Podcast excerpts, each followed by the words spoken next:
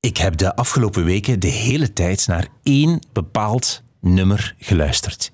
Eén liedje als in een soort trance. Het was een nummer van de Britse muzikant James Blake.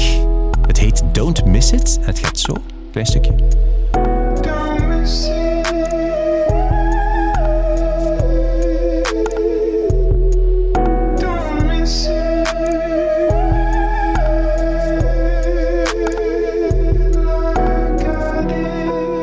Ik heb naar dat nummer zitten luisteren omdat het te horen was in de pauze van een van de meest geweldige theatervoorstellingen die ik ooit gezien heb. Nu een maand of twee, drie geleden.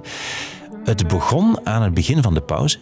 En toen je twintig minuten later terugkwam, was het nog bezig. Ze hadden het in, in een soort loop gezet.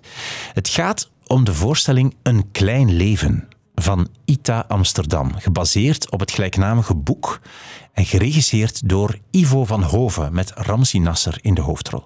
Ik zat te kijken in de zaal in Amsterdam en toen kwam plots een acteur op het podium die altijd al zoveel indruk op mij gemaakt heeft. Hij heeft de mooiste stem van de, van de lage landen. En mijn enige gedachte was, ik nodig hem uit voor deze podcast. En hij zei meteen ja. Allee, toen niet, hè, maar ik heb hem daarna dan gemaild. Ik ben Wim Oosterlink. Welkom bij de podcast Drie Boeken, waarin ik boekenliefhebbers vraag naar de drie boeken die wij volgens hen moeten gelezen hebben. Mijn gast vandaag is Steven van Watermeulen. Geboren in 1968 in Eeklo in Oost-Vlaanderen en intussen acteur bij ITA in Amsterdam.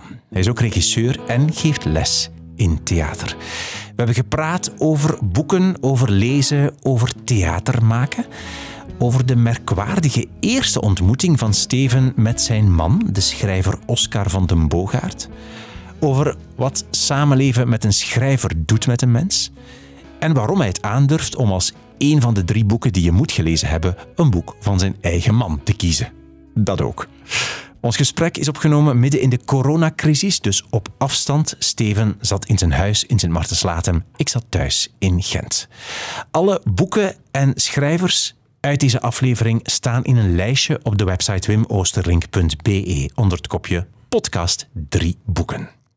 Voilà, veel luisterplezier met de drie boeken die je moet gelezen hebben, volgens Steven van Watermeulen. Eh, tijdens deze eerste lockdown eh, boeken lezen en in de tuin werken. En eh, af en toe eh, iets online opnemen voor, eh, voor mijn werk, Internationaal Theater Amsterdam. Zo hebben we de 4 mei-viering ehm, in samenwerking met de NOS opgenomen. Ehm wat doe ik nog allemaal? Ah ja, en ik heb twee jobs. Ik heb een tweede job, dat is niet onbelangrijk, maar het is nu een week vakantie. Uh, ik ben artistiek leider van de regieopleiding in Amsterdam, dus ik doe heel veel. Die hele opleiding wordt geleid vanuit België uh, met Zoom. Dat kan allemaal tegenwoordig. Er is ook een eerste voorstelling uitgekomen van een studente, Wojciech, via Zoom. Daar waren 207 Zoom-bezoekers en het was ook nog heel goed. Het is ook heel goed gerecenseerd in de theaterkrant. Dus eigenlijk ja, heel leuk. Dus een voorstelling eigenlijk ja. dan bij haar thuis, neem ik aan? Nee, dus met acht acteurs en ieder acteur uh, vanuit zijn huis. Uh, ja, en het zat heel goed in elkaar. Dus er werd gemasterd en er werd, uh, ja, het, was, het is eigenlijk ongelooflijk. Ze heeft het ook opgenomen. Maar wat heel mooi was, op een bepaald moment betrekt ze er ook het publiek bij. En dan ga je dus in al die huiskamers die zitten te kijken. En het thema met Wojciech, een, een jongen die door, gemanipuleerd wordt in de medische wereld. Ja, dat, dat was eigenlijk wel spannend om dat in deze periode te zien. Het was goed gedaan.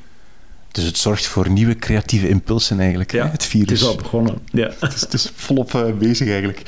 Uh, je, je zegt dat je ook um, dingen doet, dingen maakt, inspreekt voor um, het theater. Een voorstelling, wat is dat dan precies? Ja, wij zijn uitgenodigd door de NOS in Nederland om de 4 mei, juni, wat een grote gebeurtenis is in, uh, in Nederland. Normaal sinds met heel veel volk op de Dam, en, uh, uh, maar dat is er nu dus natuurlijk niet, allemaal niet. En wij, Ivo van Hoven heeft die heel, heeft mogen, ik denk dat het uiteindelijk een kwartier zal duren, met teksten. wij spreken allemaal iets in. Ik moest bijvoorbeeld met twee actri collega-actrices een fuga inspreken, tekst. Heel leuk. Heel spannend om te doen. En dan hebben wij de Decamerone ook ingesproken. eh ja, met honderd, een honderdtal acteurs. Dus iedere avond kun je naar de Decamerone luisteren. Je zegt ook dat je veel leest tijdens de, de lockdown. Meer dan anders. Vertel eens, hoe gaat dat? Eh, ja, tussendoor. Ik, eh, ik ben zeer geïnteresseerd in een boek dat ik eh, destijds van Dora van der Groen heb gekregen. Van Torvald Def- Detlefsen en Rudiger Dalke. En dat is De Zin van Ziek zijn. En dat is zo'n boek. Ik heb dat toen gelezen. Ik lees dat om de zoveel tijd. Haal ik dat er terug bij. Lees ik wat hoofdstukken. Eh, dat, dat is een soort bijbel eigenlijk. In de zin van je begrijpt het nooit helemaal. En na een tijdje begrijp je het weer anders. Ah, ik dacht, zeggen, begrijp je er helemaal niks meer van, maar dat is het niet.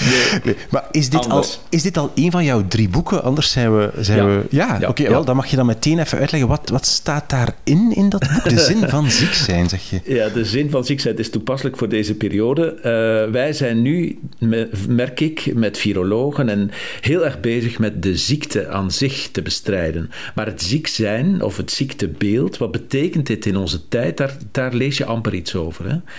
Dus we zijn, heel, wij zijn met onze westerse denkwijze heel erg dar- darwinistisch. Alles is evolutieleer en het ene komt uit het andere.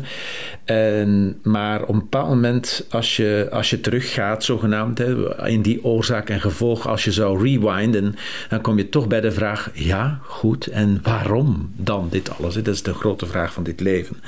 Maar de zin van ziek zijn eh, duidt eigenlijk dat je ook analoog kunt denken in het leven. Dus je kunt logisch denken en je kunt ook analoog denken. Beide zijn want dat zegt de zin van ziek zijn ook. We, zijn, we leven in een eh, eh, polaire wereld. Warm kan niet zonder koud, hoog kan niet zonder laag. En die twee zijn de tegenstelden zijn elkaars gelijken. En wij zijn dat eigenlijk een beetje in onze Darwinistische wereld een beetje vergeten. Soms willen wij te veel dat iets alleen maar goed is, terwijl het andere is even belangrijk.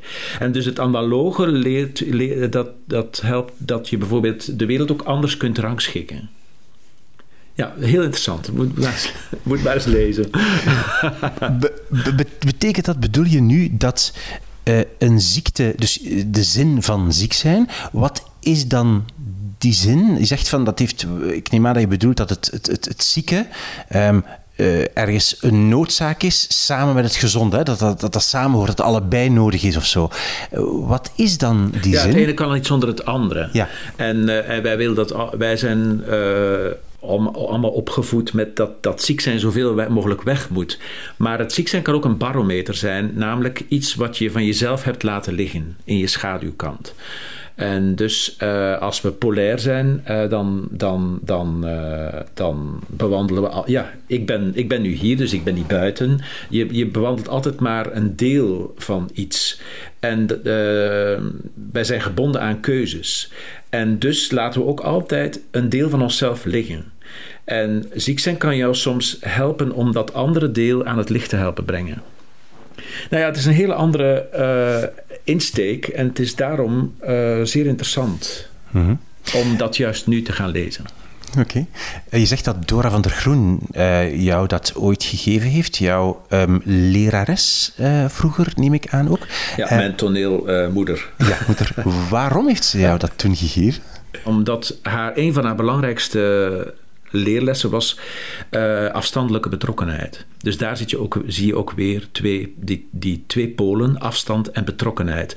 En zij vindt dat je eigenlijk alleen maar een goede acteur kunt worden als je eh, betrokken bent, maar ook afstandelijk. Dus dat je ook afstand hebt naar. En dat is het typische aan een toneelspeler. Hij moet erin, maar hij moet ook ja, bijvoorbeeld in op een filmset. Ze geven mij drie lijnen op de grond. En ik moet, voor de ik moet ook weten welke camerastandpunt er is. En ik moet van lijn 1 naar 2, dus tussen 2, 1 en 2 bijvoorbeeld huilen. Maar vanaf 2 moet ik opeens lachen. Ik zeg maar iets. Eh, Dat zijn heel extreme gevoelens nu in één shot. Maar dat moet in principe kunnen. En dat moet in principe betrokken zijn, maar ook dus afstandelijk. Want ik moet weten, bij, ik moet die lijnen ook zien liggen ondertussen. Dus, en zij beweert, als je ook in je leven dat een beetje meer toepast, dat dat eigenlijk eh, ja, niet zo slecht is. Dora van der Groen beweert dat, zeg je. Ja, en samen aan En de hand boek. van dat boek. Dus aan, ja. Is dat iets dat jij vandaag nog toepast dan in jouw spel als acteur? Oh ja, de hele wat- tijd. En, Ja. De hele tijd. En ik, ik geef het ook door aan mijn studenten. Ja. De, de, en, en het is ook zelfs, eh, ik denk dat dat ook typisch is van veel acteurs die van die school komen, van haar. Eh, want er zijn veel groepen uit eh, voortgekomen. Dus, en, en wij dragen dat ook nu verder. Hè. Dus er wordt heel veel gespeeld vanuit Vlaanderen in het buitenland. En ehm, men zegt dat ook zo bijvoorbeeld in Duitsland. Ja, dat is eigenlijk ongelooflijk hoe jullie in een emotie kunnen en daar ook in. Zij noemde dat knippen. Dus zij had vroeger geen eh, toneelleraar. En er waren toen ook amper regisseurs. De. de, de, de eh, heet je, eh, de, de vrouw die in het hokje zat, dus diegene die de tekst moest bijhouden. De souffleuse? Die, de souffleuse, die gaf de regieaanwijzingen bijna zo van, je moet nu naar links en je moet nu naar rechts en nu moet je naar achter. Maar zij wilden bij de KVS toen echt fantastisch theater maken en zagen toen Cat on Hot Tin Roof met Lisbeth Taylor. En, eh, en zij, zij speelden, zij zagen dus dat op film en zij dachten, we gaan het gewoon op het theater nadoen. Zij deden dat ook gewoon klakloos na. Maar zij zag toen dat daar geknipt werd. Zij noemden dat knippen. Hè? Dus in de filmwereld, je zit in een emotie en de editor knipt en hups, je ziet iets anders. Dus zij zag toen dat je moet ook in je spelen knippen. Nu doen wij dat in ons dagelijkse leven de hele tijd. Hè? Want ik ben nu met jou aan het praten, maar ondertussen kijk ik ook even naar buiten. Of daar een vogel vliegt. En ik ben nu eigenlijk van jou weggeknipt. En dan ga ik terug naar jou toe.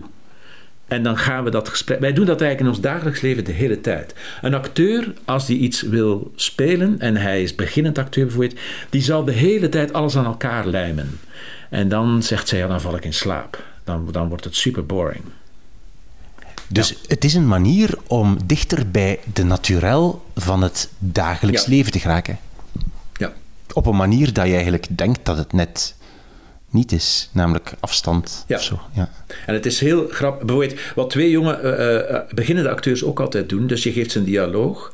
En zij gaan de hele tijd in elkaar. Dus ze gaan de hele tijd, die hele dialoog, alsof hun ogen tunnels worden. Dus die, die gaan gewoon de hele tijd naar elkaar toe praten.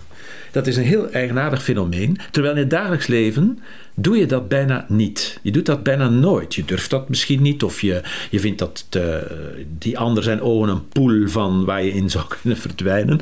Eh, dus om jezelf te handhaven, kijk je heel vaak weg. Maar twee beginnende toneelspelers die zouden de hele tijd woep in elkaar. Dus je moet altijd zeggen, jongens, eh, nee, knippen, af, eh, laat het leven. Ja. Zeg je dan ook echt knippen tegen studenten? ja, dat is iets van haar. Ja. Ik vind het eigenlijk een geweldige term. Ja, mooi. Eh, de zin van ziek zijn. Dus, van, zeg nog eens de naam van de, van de auteur. Het zijn er twee, Torvald Detlefsen en Rudiger Dalke. Dus eigenlijk een, een boek over, Twee Duitsers. over, over ziek zijn, maar ook vooral over het leven en ook over toneelspelen. En, allee, of je kan het erbij betrekken, laat ons zo zeggen. Ehm, lees je nog non-fictie? Of is dit een uitzondering? Eh eh, Anselm Grün lees ik, ja. En dat, Dat is is- een, eh, dat is een Benedictijner. Ja. En, eh, Vertel. en, het, en het grappige is, hij heeft denk ik ook de zin van ziek zijn gelezen. Ehm, nee, dat is, dat is heel interessant. Want ik ben katholiek opgevoed en ben nu, denk ik. Ik denk, ik ben wel religieus. Ik ben niet meer katholiek, denk ik. Eh, maar die denkwijze zit toch in, on- in mijn genen. En hij brengt eh, alles mooi in verband. En brengt dat, brengt, vind ik, het geloof of eh, op een veel eh, bredere, interessantere manier terug tot leven. En ik vind dat wel heel fijn, moet ik zeggen, om dat te lezen. Ja. Dus het zit een beetje in het spirituele wel. Ook de zin van het ziek zijn, als ik het juist aanvoel? Ja, ja, ja. ja. Als ik buiten, buiten eh, fictie lees, ja. Oké, begrijp ik. Goed. Ehm, je zei dat je ehm, meer leest eh, nu in deze periode. Ehm, je, je zit, je zit nu thuis. Eh, Is, maar ik vraag je, is daar een, een boekenkast? Heb je een boekenkast thuis? Hoe, ziet, hoe, ziet jouw boeken, hoe zien jouw boeken eruit? hoe moet je me dat Eh, voorstellen? dus er zijn hier heel veel boeken. Er zijn hier ook heel veel boeken die nog verkocht moeten worden. Die liggen in het archief. Namelijk, mijn echtgenoot is Oscar van den Boogaard. Dus er zijn hier heel veel boeken in huis. Eh, en deze, wat, ik, wat ik eigenlijk deze periode ook doe, is iedere week uit zijn nieuwste roman, want dat was mijn tweede boek, eh, Jachthuis, voorlezen. Want ik maak een soort podcast. Lees iedere week een, eh, een deel daaruit. Ja, op de eh, Soundcloud van de Bezige Bij, denk ik. Hè? Ik ga dat, op Ja, de, ja. mm, ik ga dat op in de eh, show notes van deze aflevering bijzetten, dat, Ja. dat je dat kan vinden. Eh, jouw tweede boek is dus een boek van jouw eigen man. Yes. Vertel. Ik heb Oscar leren kennen twintig jaar geleden, ondertussen in de trein tussen Antwerpen en Amsterdam. Ik, mocht, ik was aan het werken met Pierre Audi en ik mocht naar zijn opera gaan kijken als zest in de opera. En ik had het kaartje, een duur kaartje, gratis gekregen. En toen dacht ik, weet je wat, ik neem gewoon eerste klas. Eh, om, omdat ik toch mijn ticket niet heb moeten betalen. En ik neem eh, eerste klas en in coupé, dat waren toen nog, er waren toen nog coupés. Nu zijn er nog steeds coupés, zie ik. Maar toen waren ze nog net iets, iets charmanter. En in de tweede, want in die andere twee zat, zat niemand. Maar in de tweede, dus in de middelste, zat iemand. eh, met de, had ik meteen gezien met dezelfde broek aan als ik aan had toen. Eh, er was er een van Raf Simons. Ik had daar heel veel geld in gestoken. En ik wist dat dat een, eh, dezelfde broek was. En eh, op een of andere manier werd ik naar binnen geduwd. En, en nou ja, goed, van het een kwam het ander. We hebben dat, die hele ontmoeting eigenlijk beschreven in een toneelstuk dat hij dan later geschreven heeft voor Sarah de Roo en mij. ehm, Lucia Smelt. En dat is een boek ook van hem geworden. een bed vol schuim. Enfin, dat, dat is die ontmoeting. We zijn twintig jaar verder. En ook veel geschreven boeken eh, van hem verder. En toneelstukken. En eh, ja, dat. Voor we naar, jou, naar het recentste boek gaan, wil ik nog iets vragen over die ontmoeting. Want eh, Oscar heeft daar zelf iets over verteld, onlangs op Radio 1.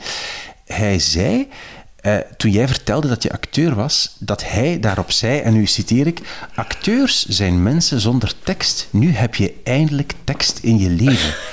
Heeft hij Ja, dat, echt gezegd? Wauw. Wa- Was, je, was, je, was je beledigd of was je blij dat hij, dat hij iets zei? Eh, ik, dat, ik denk dat die hele treinreis een spel van eh, beledigingen en beloningen was. Eh, ja. ik had denk ik nog nooit... Hij was zo eh, ontwapenend en eh, ik had zoiets eigenlijk nog niet meegemaakt. Never a dull moment, na twintig jaar nog steeds niet. Hè? Ja. Echt waar. Wa- wa- klopt die uitspraak? Ik denk het, ik denk het eerlijk gezegd wel. Nou ja, goed, dat geldt natuurlijk niet voor iedere acteur, maar. ehm, ja. ik denk wel dat het klopt, ja. Hij is jouw tekst geworden of zo. nou ja, ik moet zeggen, ik heb wel via hem leren formuleren, ja. En dat was eh, bij mij wel. eh, dat was niet mijn beste kant, nee. Maar hoe bedoel je formuleren niet op het theater, neem ik aan, in tekst? Of Nee, nee, je? dus zelf. Dus formuleren. eh, eh, eh, gewoon het simpelste. eh, hoe voel ik mij? Wat wil ik? Manifesteren. Hoe, hoe, hoe, hoe wil ik leven? eh, wie wil ik zijn? Ja, dat. Ja. Ik, was heel erg, ik had heel erg geleerd om eh, toneelteksten tot leven te brengen. Maar mijn eigen tekst was een beetje, had, had daar een beetje bij ingeschoten. Ah ja, dus wat hij zei ging dan ging nog meer over het leven dan over theater eigenlijk. Bleek achteraf. Ja, ik denk dat hij daar een, een, eh, intuïtieve... eh, dat hij touché had, ja. Dus mooi. Eh, bl- blijkbaar was jij toen Adriaan van den Dis aan het lezen. En vond, Ja. hij, dat, en vond hij dat maar Hij vond niks? dat- hij vond dat maar niks. Dus hij vroeg... Oh, is de... Dat, ik vroeg, eh, is, is, hij- is, dit de, is dit de weg naar Am- Is dit de trein naar Amsterdam? En hij was een beetje licht verontwaardigd. Had zoiets van, ja, dat staat toch op de borden? En, en, en vervolgens haalde ik dat boek tevoorschijn. En hij zei, oh ja, is het een mooi boek? Ja. Eh, eh, nou ja, goed. En zo begonnen van het een naar het ander. Ja. Oké, goed. Vertel eens over, eh, over Jachthuis. Het recentste boek van jouw man. Ja, hij, heeft, hij is nu aan een soort, ik denk zevenluik begonnen, eh, waarvan dit het tweede is. En het wordt een sleutelroman genoemd, dus het, hij herkoudt wel vaker zijn thema's. Ik bevind hem daarin een beetje zoals Marguerite Duras. Je ziet diezelfde familie eh, terugkomen, soms in andere constellaties. En maar hier eh, zitten we wel heel erg, denk ik, nog, zoals hij het nog nooit heeft beschreven, Ja. Heel diep in de moeder-zoon relatie. En hoe daar eigenlijk tussen twee mensen en die zo dicht bij elkaar staan, een soort misbruik eh, ontstaat. En, en hij legt dat heel ragfijn uit. En hij plaatst het ook mooi in, in Suriname, waar hij is eigenlijk is opgegroeid. En dan eh, eh, is er een pendant in Nederland in een jachthuis. En dus die jungle daar en de, wordt een jungle hier van emoties en van, van, van verstrengelingen en, en hoe mensen vast aan elkaar komen te zitten. Ja. Heel Ehm, mooi, heel ontroerend. Ja, het is de- de- drie boeken die iedereen moet gelezen hebben. Jij kiest als boek een boek van jouw man. Eh, Ja. Dan moet je wel met goede argumenten komen waarom iedereen dit moet gelezen hebben. Wel, omdat, eh, zoals ik zeg, om, eh, ik denk dat het systeem van hoe elkaar. ik denk dat er bijna aan de basis van iedere relatie zit, eventueel, zit en angst en eh, macht. Eh, op een of andere manier worden wij altijd geconfronteerd met een bepaalde machtsverhouding. Of de driehoek agressor, eh, toeschouwer, eh, slachtoffer. Dat kan zeer genuanceerd zijn. Dat kan bijna zelfs in het gebied zijn dat je het niet meer ziet.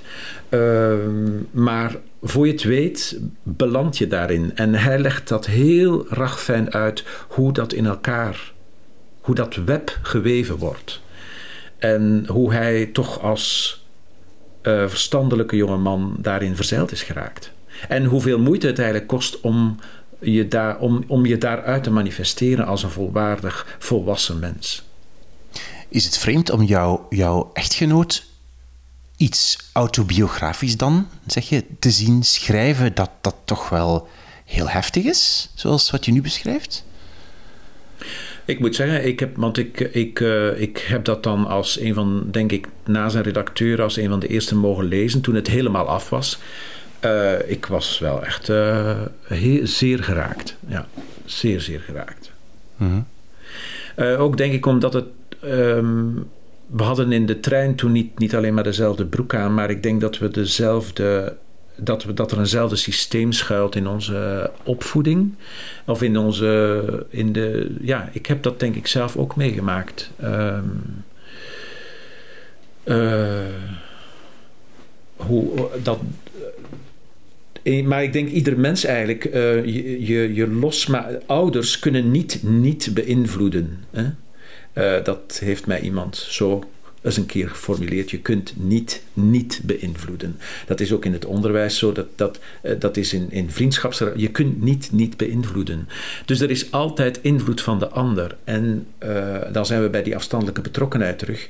Voor, al, daar heb je dat dan een beetje nodig. Die afstandelijk, dus de, die betrokkenheid, maar ook die afstand. En ik was in mijn jeugd zelf eh, het woordje afstand, denk ik, binnen eh, familieverhoudingen kende ik niet. Ik heb dat geleerd, denk ik, via het toneelspel. Maar er is nog wel een, nog wel een verschil tussen ehm, invloed en een gebrek aan afstandelijkheid en het woord misbruik of misbruik of, of eh, onbewust misbruik wat je daar straks gebruikte. Ja, maar voor je het weet, kijk, ik vind het een, de, een moeder-kind eh, is een heel complexe relatie. En die moeder moet wel echt uit zeer speciaal hout gesneden zijn. Wil zij de kracht hebben om dat kind vanaf het begin als een volwaardig, met afstandelijke betrokkenheid, eh, volwaardig eh, persoon te laten opgroeien. Ik ik, denk, ik, weet zelf, ik, weet of ik, het zelf, ik weet niet of ik het zelf zou kunnen. Uh, ik zat in een situatie waarin mijn moeder mij als een veruitwendiging van haarzelf zag. Um, en volgens mij gebeurt dat misschien wel in 80% van de gevallen. En dat kun je volgens mij, ja, zit dat toch ergens in het gebied van. Dat is een vorm van misbruik. Want je gebruikt uh, dat kind om een deel van jouzelf in het licht te zetten. snap je, dat kan in hele, hele eh, genuanceerde, bijna niet te traceren gebieden zitten. Maar ja, goed, dat is ook ons leven, denk ik. Hè? Dat is ook onze taak. Ons daaruit manifesteren. Ja. Ehm, je zei dat je het boek als een van de eerste gelezen hebt. Moet je, of mag je zijn teksten dan altijd lezen voor ze gepubliceerd worden, of soms niet? Eh, nee, hij vindt, ik denk dat hij vindt dat ik, of on- ontdekt heeft dat ik wel goed kan lezen.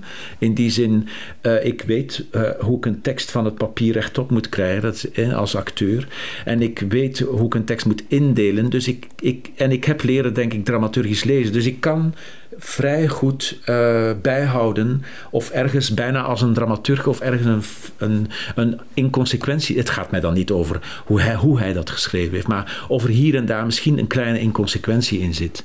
En wat dat betreft denk ik zoals bij een voorstelling, als een regisseur een voorstelling maakt, ehm, die laat ook in de laatste fase een paar mensen komen kijken, omdat je kunt niet alles zien. Ja. Maar, m- m- Dat je samen bent met een, met een schrijver, maakt je dat niet strenger naar de rest van de literaire wereld toe? En nu lach je? Eh, ja, misschien, maar dat, ja, dat weet ik niet. Weet ik niet. Daar kan niet zo goed op Maar antwoorden. ben je, ben je privé dan niet heel tijd aan, zo aan het pikken op andere schrijvers? Nee, nee, nee, want ik, nee, nee dat, dat doen we niet. Ik, en ik me- meng mij ook bijna niet met zijn wereld en hij mengt zich bijna niet met mijn wereld. Ik kom ook nooit thuis met eh, pff, dit en dat is er gebeurd in het theater of in die repetitie. We proberen elkaar daarin eigenlijk niet, niet lastig te vallen. Dat, dat is ook om de zaak gezond te houden. Mhm. Ehm, jullie hebben eh, ooit samen een auteur verzonnen, eh Ja. Emmanuel Lip. En wat Pearl Sweetlife, was het ook van jullie beiden? Ja. Je hebt Ja. twee auteurs verzonnen. Vertel eens over Emmanuel Lip, want ik vind dat echt een geweldig verhaal. Ehm, ik mocht een toneelstuk maken voor eh, 2004 Lille, eh, culturele hoofdstad van Europa. En eh, dat was het tweede toneelstuk dat Oscar schreef. En wij waren in Berlijn, want hij was uitgenodigd voor de DAAD, eh, de daadstipendium. En had daar een jaar een appartement. En ik, ging, ik had toen een denk ik, zes weken vrij en was daar dan ook. En dus zei, weet je wat, eh, we gaan iedere ochtend, ga, kom je aan mijn bureau zitten en je vertelt verhalen over je jeugd. Want hij had mij natuurlijk al eh, op, bij, op feestjes of weet ik veel, hij had mij al horen vertellen. En, eh, en dat ben ik dan gaan doen. Dus we hadden op een bepaald moment ontzettend veel notities. En daaruit heeft hij dan het, toneelstuk Nest gedestilleerd. Maar toen lagen die notities daar nog altijd. En toen zei hij: ehm, Zullen we daar een boek uit maken? En toen heb ik eigenlijk de eerste draft gemaakt.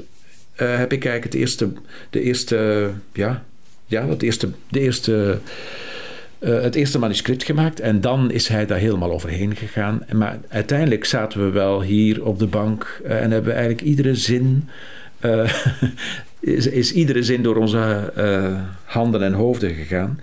En toen moesten we dat uitbrengen. En omdat het een niet, niet helemaal paste in zijn inhoudelijke lijn.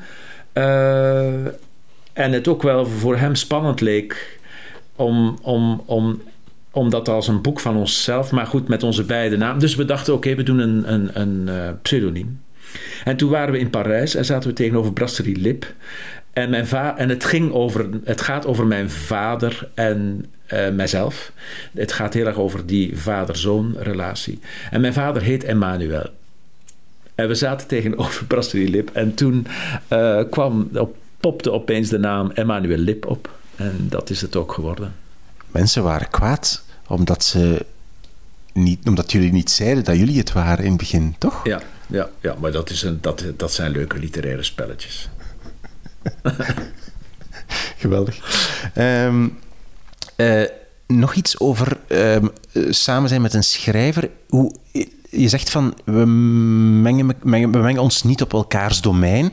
Ehm, maar komt hij toch niet soms met een boek af van dit moet je gelezen hebben? Beïnvloedt hij jouw leeskeuze soms niet? Ja, waarschijnlijk wel. We hebben een grote bibliotheek, dus vaak eh, denk ik, ja, wat, wat zou... Want en die, komt, die is vooral eh, zijn bibliotheek. Dus dan vraag ik wel eens, wat moet ik lezen? En, eh, en dan, dan, dan zegt hij, ja, hier, lees dat maar eens of zo. Ja, goed. Zo, zo gaat het wel zijn werk. Wat is jouw derde boek, Steven? Ja, mijn derde boek is, zijn, is van Couperus. eh, en dat heet eigenlijk De Boeken der Kleine Zielen. Ehm, dat waren er vier. Wij hebben er twee van eh, met Ivo van Hoven eh, omgebouwd tot een toneelstuk. Ivo heeft drie toneelstukken gemaakt voor de Roertriennale rond Couperus. En dit was de derde luik. En wat mij daar zo in trof, want ik heb wel de, dus de vier boeken gelezen voor we aan het toneelstuk begonnen. En op een bepaald moment ehm, loopt Constance naar buiten. Zij is, zij, is, zij is- verwikkeld geraakt in een slecht huwelijk.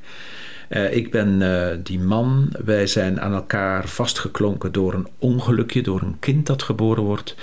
En wij leven in een soort relatie waarin wij dat kind helemaal tot een gouden kind maken. Maar dus, de, dus, dus er zijn lijntjes vanuit, vanuit vader, moeder naar het kind. Maar tussen vader en moeder is er bijna geen contact meer.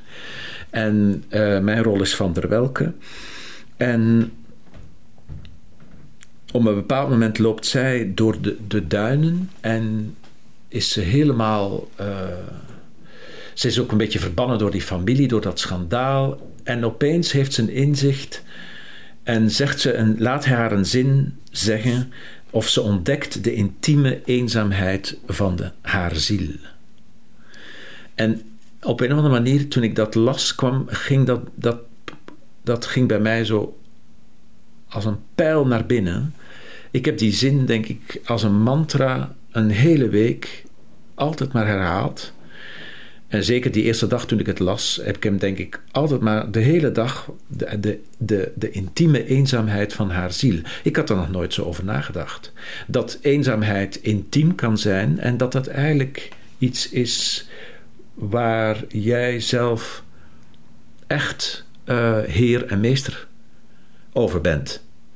En dat was, een, dat was voor mij een enorme ontdekking. En dat was bij het lezen van het boek, omdat jullie de, de tekst gingen spelen, zo hè? Was het dan een bewerkte theatertekst daarvan? Neem aan van wel. Ja, uh, Koen heeft die bewerking gemaakt. Hij, die maakt, maakt wel meerdere bewerkingen, zeer goede bewerkingen van romans. Uh, zo. Ik heb van hem, van zijn bewerking was ook onderworpen van Wellebeck, wat wij gespeeld hebben, laat, een van mijn laatste toneelstukken bij NT Gent. Uh, ja, dus hij, Koen heeft, heeft die. He, zij hebben het met Ivo samen besloten dat ze er twee van de vier, dus dat ze ze niet alle vier het, uh, zouden verwerken in het toneelstuk. Ja. En vond je dan, wat je zo trof in, in de, de oorspronkelijke tekst van Couperus, vond je dat dan ook terug in de, in de theaterbewerking? Werkte dat ook op het podium? Ja, dat werkte zeer goed, ja. Um, hoe dat kind um, de speelbal is tussen die twee ouders en totaal ja, daar zijn we weer bij dat lichte, die lichte vorm van misbruik, totaal verkeerd wordt ingezet. En hoe hij tot, uh, moeilijk tot manifestatie komt. En dus die strijd tot, om, om zich te manifesteren. Ja, ik denk dat dat heel mooi is neergezet. Ja. Het was een heel mooi decor van Jan Verswijfeld met een heel groot uh, Russisch patroon als uh, uh, een heel groot tapijt dat speciaal daarvoor geweven is, lag, lag op de scène en daar rond een plantentuin met echte planten. Die staan nu nog steeds ergens. op, ergens in een serre te wachten tot we dit opnieuw mogen gaan spelen. heel, mooi, heel mooie setting was het, ja. ja. Lees je een tekst anders als je weet dat je hem gaat moeten spelen? Is dat een andere leeservaring? Of niet? Mm, nee. Nee, ik heb dat eigenlijk proberen uh, gewoon als... Maar ik, je moet natuurlijk bij, als je dat leest, Couperus is een beetje zo... Een, een, je voelt wel dat, daar, dat dat een andere tijd is. En ik moest me daar wel even overheen zetten. Maar dan kom je wel in een hele ja, het is eh, ontluisterend hoe modern, eh, hoe modern de thematieken zijn en eigenlijk hoe, hoe ja, de, mens, de, de mens loopt in cirkels. Hij loopt niet van A naar B. Zo blijkt nog maar, nog maar eens. Je, je, je spreekt heel vaak, eigenlijk heel de tijd dat we nu aan het spreken zijn, gaat het over ja, eh, het boek van het ziek zijn, het boek van Oscar, het boek van Nicoperus. Nu gaat het over ja, het, als het ware het, eh, het, eh, het contrast tussen betrokkenheid en afstand en heel vaak naar een moederfiguur toe. Voel ik zo? Is dat iets wat, jou enorm fascineert, omdat je dat zelf... Ja, je hebt het al, je hebt al verteld, hè? Je, bent, je komt van Eeklo, toch, hè? Sint-Laurens. Sint-Laurens bij Eeklo, ja. maar ik ben in Eeklo geboren. Eeklo ja, ja. geboren, Sint-Laurens eh, opgegroeid, ja, inderdaad. Ja. Ja. is dat iets waar je, nog waar je vaak over nadenkt, over die problematiek? Of houdt jou dat bezig? Ja, ik ben daardoor, ik ben daardoor gedetermineerd. Ja, dat is eh, een, eh, een, een belangrijk thema, denk ik. Dat. Ja, dat. dat loskomen en iemand worden eh, zoals je bent bedoeld en zoals je. Ja, dat, dat, ik vind dat, ik vind dat een, een, een, een grote levenstaak. Zoiets. Oké. Ehm, ik heb jou eh, heel veel zien spelen op theater, maar echt waar, zoveel. ik, ik, naar aanleiding van dit gesprek, ik heb het niet opgezocht. Ik heb gewoon mijn, in mijn herinnering gegraven. En een van de meest ehm, dwingende herinneringen was ehm, de Caligula met de spiegel. Ik zeg het toch juist, hè? Met de spiegel, ja. Met ja. spiegel, hè? Ja, waarop jij op een bepaald moment echt met zo'n soort hamer of soort bijl echt een spiegel kapot sloeg. Gigantische spiegel kapot sloeg op het podium. Echt zo indrukwekkend. En heel recent heb ik jou ook nog gezien, ik heb vroeger heel veel gezien, maar recent ook nog in de voorstelling Een Klein Leven in Amsterdam. Hoe, hoe gaat dat? Dus daar is een, een, een, ehm, een boek, hè? Een Klein Leven is een, een boek dat veel mensen gelezen hebben. Ehm, Ivo van Hoven is de regisseur van de voorstelling, waar jij onder meer in meespeelt voor ITA Amsterdam. Hoe, hoe kom je van dat boek naar de voorstelling? Iemand zei mij van, ze zouden ook tien andere voorstellingen van datzelfde boek kunnen maken. Wel, ik denk dat daar eh, weer die hand van eh Koen Tachelet zeker daar iets mee te maken heeft. Hij, hij heeft een hele theatrale aanpak en hij kan dat zeer goed. Ehm, Ivo is ook de man van het, van het zeer gedetailleerde voorwerk. Dus ik, ik, ik zie dat dan, hij heeft, hij heeft een boek bij. Dan, je ziet dat daar, dat staat vol aantekeningen. Dat is bijna, hij heeft dat helemaal, hij, heeft, hij kent dat boek van binnen en van buiten. En dan eh, denk ik, eh, gaat dat vanuit bewust of onbewust een kerngedachte van dat gaan we ermee neerzetten. Dat gaat in hun eh, samenwerking tussen Jan Verswijfeld en Ivo van Over, want Caligula destijds was ook zo'n stukje dat zij weten heel goed voor, hun inhoud in vorm om te zetten. En wat willen wij daar nu eigenlijk mee gaan vertellen? Bijvoorbeeld bij Caligula was die spiegel, de, de, de, de, de narcist, het narcisme van die figuur was de ingang. En hier is de ingang ehm, dat, het, dat, dat het onder de dat het onder de, hoe zeg je dat? Het moet, dit, dit boek moet je onder de huid gaan kruipen. Dus zij laten bijvoorbeeld ook eh, allerlei geur, stiekem worden er ook de hele tijd geuren in de zaal ge- gestuurd. Eh, ontsmettingsgeur bijvoorbeeld wordt echt met ventilatoren in de zaal gestuurd.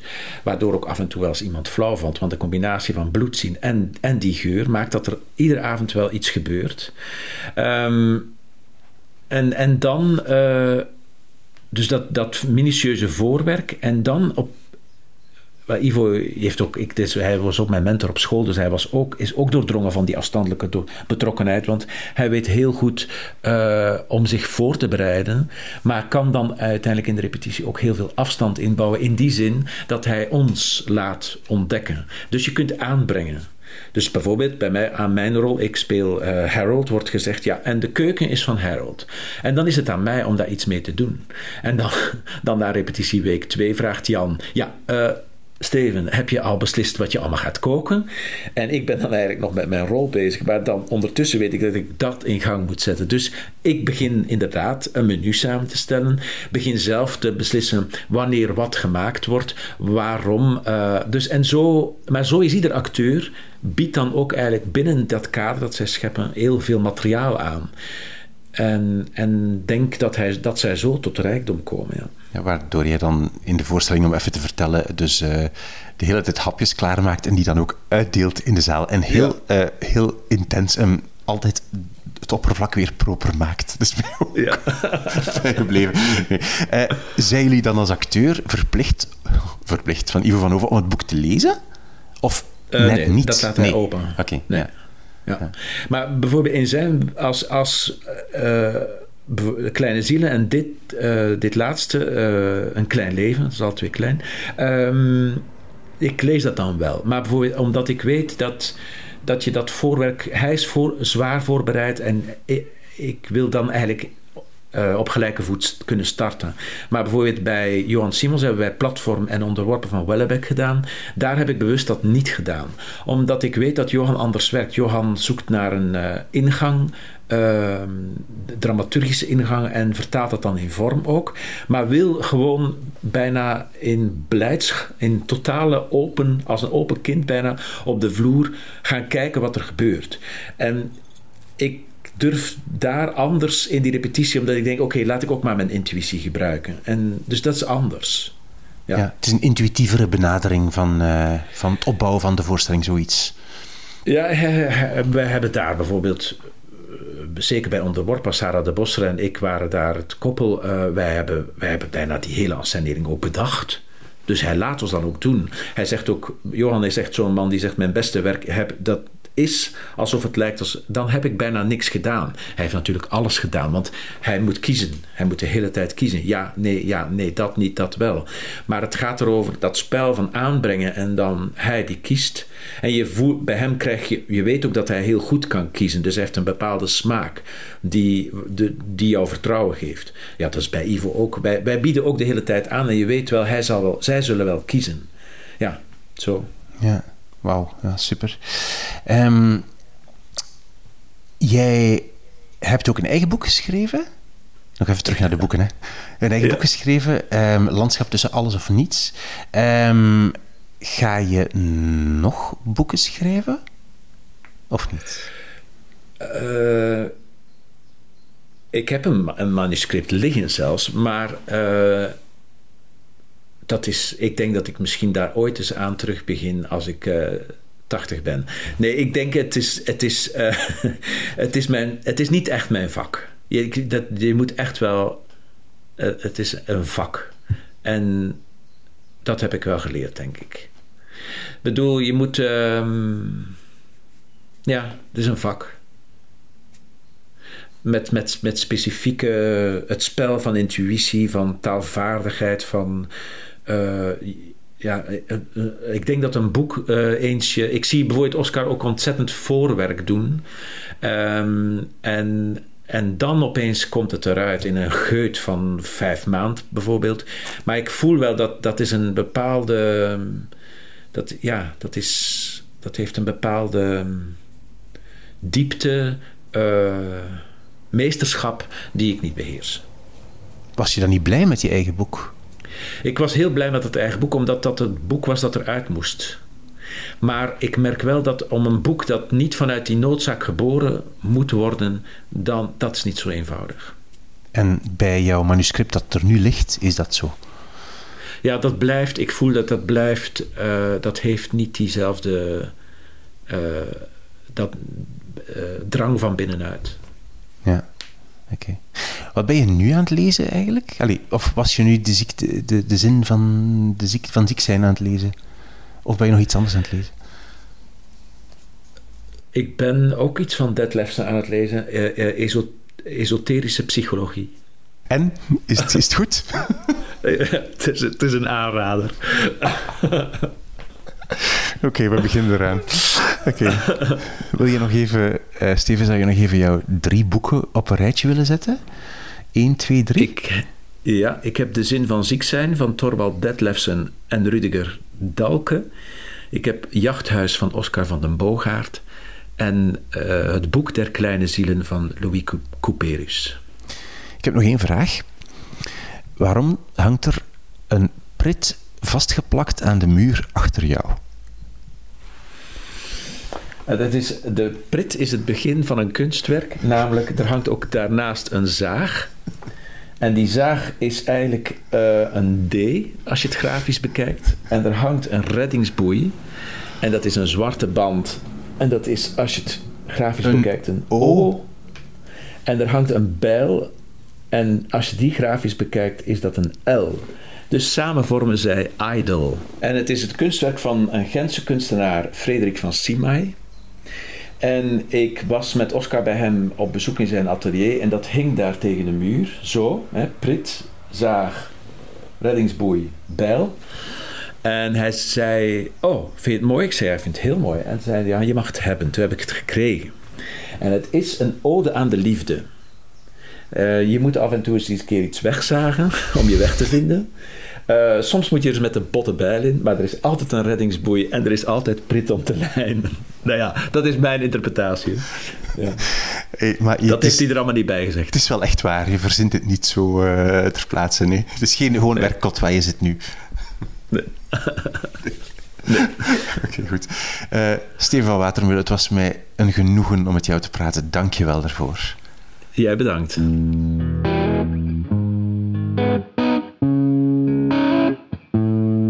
Zo, dit was mijn gesprek met Steven van Watermeulen. Alle boeken en auteurs die je hoorde in deze podcast en een link naar Steven die het boek van zijn man voorleest, vind je op de website wimoosterlink.be bij de show notes onder het kopje podcast drie boeken. Bedankt om te luisteren naar deze aflevering. Je kan een recensie van deze podcast schrijven in de podcast-app van Apple. Je kan daar sterren geven. Je kan andere geïnteresseerde mensen ook naar Spotify sturen of naar Google Podcasts of naar andere podcast-apps. De naam is dus drie boeken in letters geschreven. Je doet mij een groot plezier met twee mensen te laten weten dat ze ook eens naar deze podcast moeten luisteren. Dankjewel en tot de volgende keer.